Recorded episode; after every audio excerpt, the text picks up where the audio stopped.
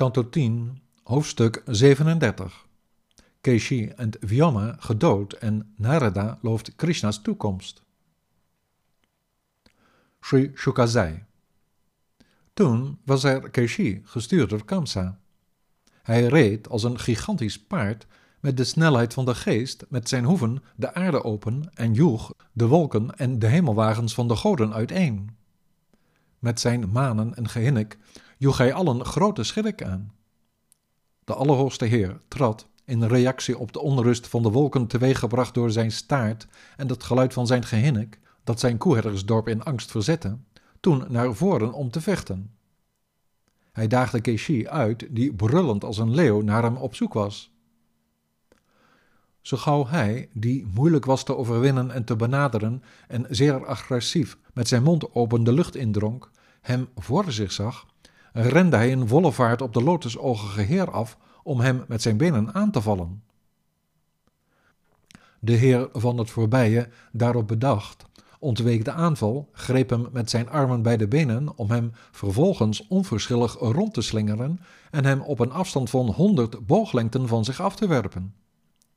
Er stond erbij als was hij de zoon van Tarksha Garuda, die een slang van zich afwerpt. Weer bij bewustzijn komend, stond hij op in bittere woede en rende hij met zijn mond wijd open in volle vaart op de heer af. Met een glimlach stak hij toen zijn linkerarm in Keesjes mond, als betrof het een slang in een hol. Toen Keesjes tanden in aanraking kwamen met de heer zijn arm, vlogen zijn tanden eruit alsof ze waren geraakt door een roodgloeiende staaf. Vervolgens zwol de arm op van de Allerhoogste Ziel die zijn lichaam was binnengedrongen, zodat zijn buik uitzette als een zieke buik die uitdijt na te zijn verwaarloosd. Omdat Krishna's arm zo uitdijde, werd zijn ademhaling geblokkeerd. Met zijn benen trappelend, zwetend over heel zijn lijf, met zijn ogen rollend en zijn ontlasting de vrije loop latend, viel hij daarop onzield op de grond. Nadat hij met de machtige armen zijn arm had teruggetrokken uit het dode lijf, dat eruit zag als een komkommer, werd Krishna er bescheiden over dat hij zijn vijand zonder veel moeite gedood had, van boven door de goden vereerd met een regen van bloemen. De Devarishi Narada, de hoogst verheven toegewijde van de Heer, o koning, benaderde Krishna privé en zei het volgende tot hem die zo moeiteloos is in zijn handelingen.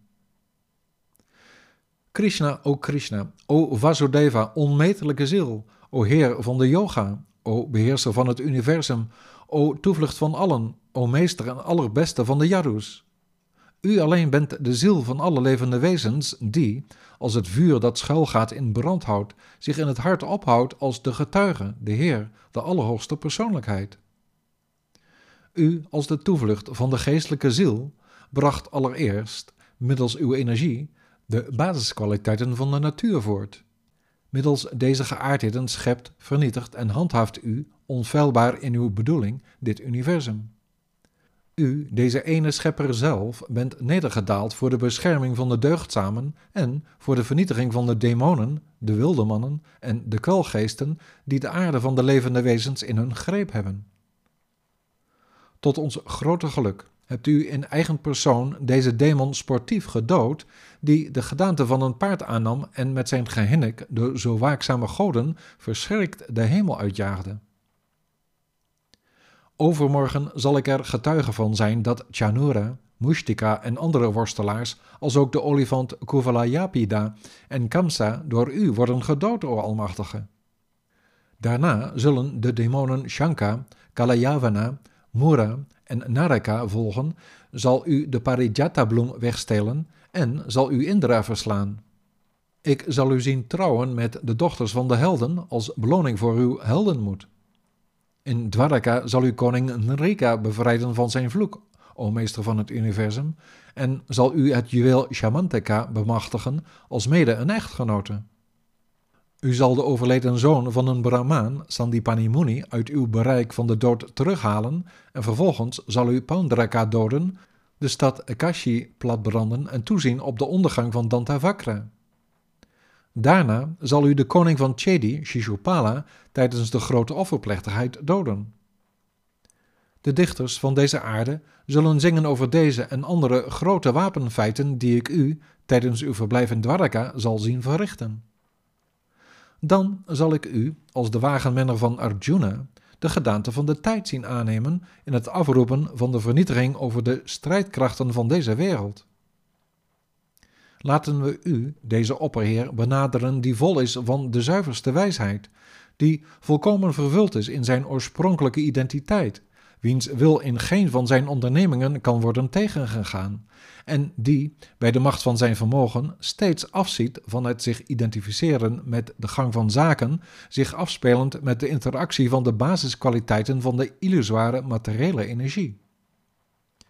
Voor u verbuig ik me, u de grootste van de Yadus, Vrishnis en Sattvata's, de op zichzelf staande meester die, middels uw creatieve vermogen, heeft voorzien in een eindeloos aantal specifieke situaties waarin u direct kon optreden en waarin u de last van de in zichzelf verdeelde mensheid, die in gewapende strijd verkeert, op zich heeft genomen. Sri Shukazai de meest voortreffelijke wijze onder de toegewijden, die al dus respectvol van eerbetoon was voor Krishna, de leidende Yadu, kreeg toestemming te vertrekken en ging weg, erover opgetogen dat hij hem had gezien. Govinda, de opperheer, die in een gevecht Keshi had gedood, hoede nog steeds de dieren samen met de koeherdersjongens, die heel blij waren met het geluk dat hij Vraja bracht. Op een dag toen de Gopa's op de helling van de heuvel de dieren aan het weiden waren, begonnen ze aan het spel stelen en verstoppen, waarbij ze de rollen van dieven en herders speelden. Daarin waren sommigen van hen de dieven, anderen waren de herders, terwijl er een stelletje, o koning, voor de nietsvermoedende schapen speelde. Een zoon van de demon Maya, genaamd Vyoma, het zwerk, een machtige magier, vermomde zich als een gopa en nam toen, spelend voor één van de vele dieven, bijna al de jongens mee die voor schaap doorgingen. De grote demon gooide ze één voor één in een berggrot, waarvan hij de ingang met een grote kei blokkeerde, zodat er nog maar vier of vijf van hen overbleven. Toen Krishna, hij die al de vrome zielen bescherming biedt, ontdekte waar hij mee bezig was, nam hij de Gopa-drager zo krachtig te pakken als een leeuw die een wolf grijpt. De demon nam zijn oorspronkelijke gedaante weer aan, die zo groot was als een berg. Uit alle macht probeerde hij zich te bevrijden, maar afgemat stevig in zijn greep gehouden, lukte hem dat niet. Hem met zijn armen vasthoudend, drukte Achyuta, terwijl de goden in de hemel toekeken, hem tegen de grond en doodde hem als betroffen ten offerdier. Hij brak door de geblokkeerde ingang van de grot heen en leidde de Gopa's uit hun benarde positie, waarna hij, geprezen door de goden en de Gopa's, terugkeerde naar zijn koeherdersdorp.